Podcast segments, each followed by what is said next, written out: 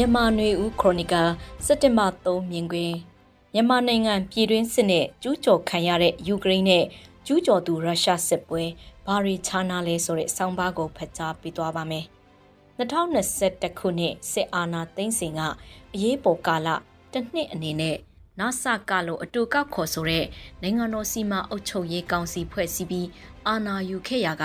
စစ်အာဏာသိမ်းမှုစံကျင်လှုပ်ရှားမှုတွေကဆန္ဒပြတဲ့အဆင့်ကနေ လက်နက်ကင်လှုပ်ရှားမှုစီကိုလာအနည်းငယ်အတွင်းအသွင်သဏ္ဍာန်ပြောင်းသွားခဲ့ပြီးလက်နက်ကင်လှုပ်ရှားမှုနဲ့စစ်အာဏာရှင်စနစ်ကိုဖယ်ရှားမယ်ဆိုတဲ့ရည်မှန်းချက်နဲ့နီလန်းကိုဆွဲကင်ကမြန်မာနိုင်ငံက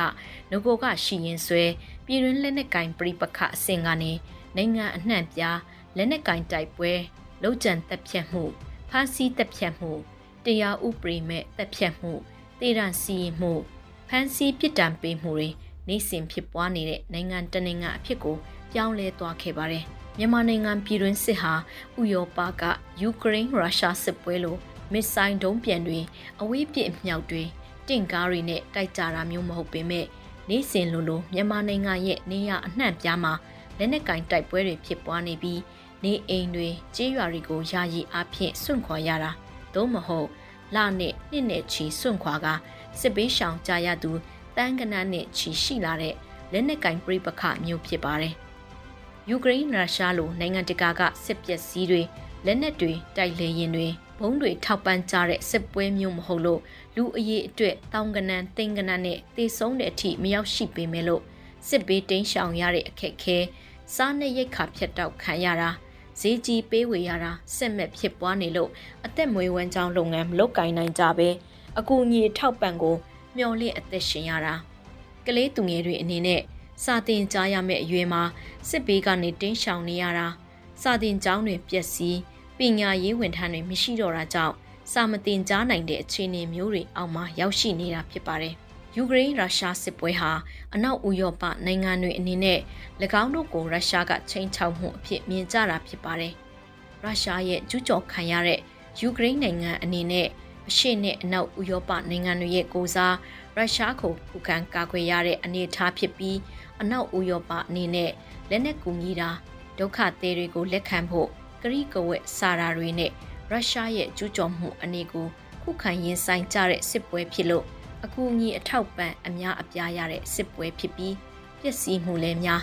တေပြောက်မှုအရေးအတွက်လည်းများပါတယ်မြန်မာနိုင်ငံကပြည်တွင်းစစ်ကတော့မိမိတို့နိုင်ငံတွင်းမှာ နိုင်ငံရေးနယ်ပယ်မှာဆယ်စုနှစ်များစွာကြီးစိုးလာတဲ့စစ်တပ်ကိုပိုင်ပြတ်ထန်းခွင့်အတွက်နှစ်ပေါင်းများစွာလက်နက်ကင်တိုက်ခိုက်လာတဲ့တိုင်းသားလက်နက်ကင်တပ်တွေနဲ့မောင်းပြန်ရိုင်ဖယ်လောက်ချာစိန်ပြောင်းလိုမျိုးနဲ့တိုက်ခိုက်ကြရတဲ့စစ်ပွဲဖြစ်လို့လူထုရဲ့နေထိုင်အသက်မွေးဝမ်းမှုအပေါ်ကျေပြန့်တဲ့တက်ရောက်မှုရှိတော့လဲ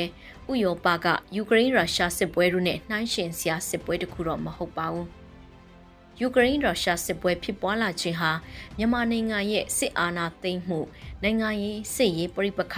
တိုက်ခိုက်မှုကိုကမ္ဘာကအာယုံစိုက်မှုလျှော့ချစေတာအမှန်ပဲဖြစ်ပါတယ်။ရုရှားအနေနဲ့ဥရောပတပ်ရဲ့အနောက်ဘက်ဒေသကိုထပ်မံကျူးကျော်ခြင်းမပြုနိုင်ဖို့နဲ့အခုယူကရိန်းကျူးကျော်မှုကိုတင်ခန်းစာပေးဖို့အနောက်နိုင်ငံတွေကစိတ်ဆိုးနေချိန်မှာမြန်မာနိုင်ငံမှာစစ်အာဏာသိမ်းမှုနောက်ဖြစ်ပွားလာတဲ့လက်နက်ကိုင်တိုက်ပွဲတွေနဲ့စစ်တပ်ရဲ့တိုက်ခိုက်မှုစတဲ့ အရေးကိစ္စတွေဟာ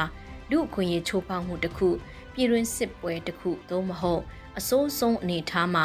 စစ်စုနှစ်ချီကြာမြင့်နိုင်တဲ့ပြည်တွင်းလက်နက်ကင်ပြိပခါတစ်ခုအဖြစ်ရှုမြင်လိုက်ကြပြီး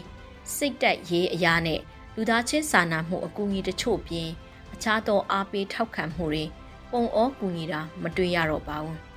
အနောက်နိုင်ငံတွေအနေနဲ့၎င်းတို့လုံးပန်းရမဲ့ယူကရိန်းရုရှားစစ်ပွဲနဲ့အလုများလာချိန်မှာ မြန်မာရေးကိုဖြည့်ရှင်းဖို့စိတ်ဝင်စားတာဆိုလို့နေနမိတ်ချင်းထိဆက်နေတဲ့ထိုင်းတရုတ်အိန္ဒိယနဲ့ဒုက္ခတေတတန်းလောက်ကိုလက်ခံထားတဲ့ဘင်္ဂလားဒေ့ရှ်တို့ပဲကြံတော့တာဖြစ်ပါတယ်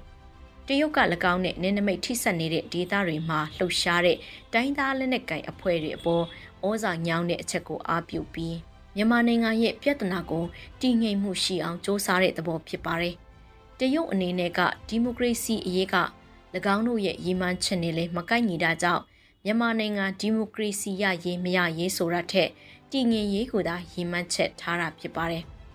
ထိုင်းနဲ့အိန္ဒိယနိုင်ငံတို့အနေနဲ့လည်းဒုက္ခတွေလက်ခံထားရတာနေဆက်တိုက်ပွဲတွေရဲ့လုံခြုံရေးထိခိုက်နိုင်ခြေစတာတွေကိုစိုးရိမ်မှုကအဓိကဖြစ်ပြီးဒီမိုကရေစီရရေးမရရေးကဒီလောက်ထိ၎င်းတို့အတွက်စိတ်ဝင်စားမှုမရှိကြပါဘူး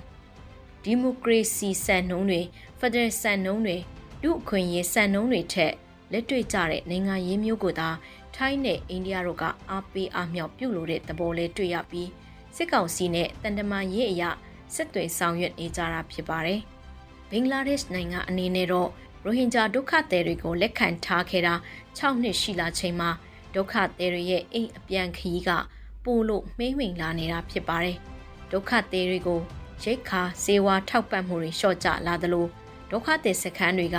ရာဇဝတ်မှုတွေဖြစ်ပွားဖို့ရာဇဝတ်ကိုင်းနဲ့လက်နက်ကင်အဖွဲ့တွေလူစုဆောင်ဖို့နေရာတပွဲဖြစ်လာနေတာတွေကအိမ်နီးချင်းဘင်္ဂလားဒေ့ရှ်နိုင်ငံအဖို့ခေါင်းကိတ်စရာဖြစ်လာပြီးမြန်မာနိုင်ငံအတွင်းမှာဘာဖြစ်ဖြစ်ဒုက္ခသည်တွေကသာပြန်ချင်နေဆိုရင်ခွင့်ပြုဖို့အစဉ်သင့်ရှိလာတဲ့အနေအထားလေးဖြစ်ပါတယ်။ဒီအခြေအနေတွေကတော်လှန်ရေးအင်အားစုတွေဘက်ကထည့်သွင်းစဉ်းစားရမယ်နောက်ခံအခြေအနေတွေဖြစ်ပြီးအိမ်နီးချင်းနိုင်ငံနဲ့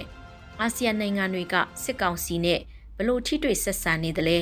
တော်လှန်ရေးအင်အားစုတွေကိုဘလို့ထိတွေ့ဆက်ဆံပြီးဘာတွေအထောက်အကူပေးနိုင်သလဲဆိုတာတွေကိုတော်လှန်ရေးအင်အားစုတွေဘက်ကစမ်းစစ်သုံးသက်ကရှေ့လမ်းကြောင်းချမှတ်ကြရမယ့်အချိန်နိုင်ငံရေးစစ်ရေးလမ်းကြောင်းတွေကိုပြန်လည်သုံးသပ်ချမှတ်တဲ့အချိန်လည်းဖြစ်ပါတော့တယ်ရှင်။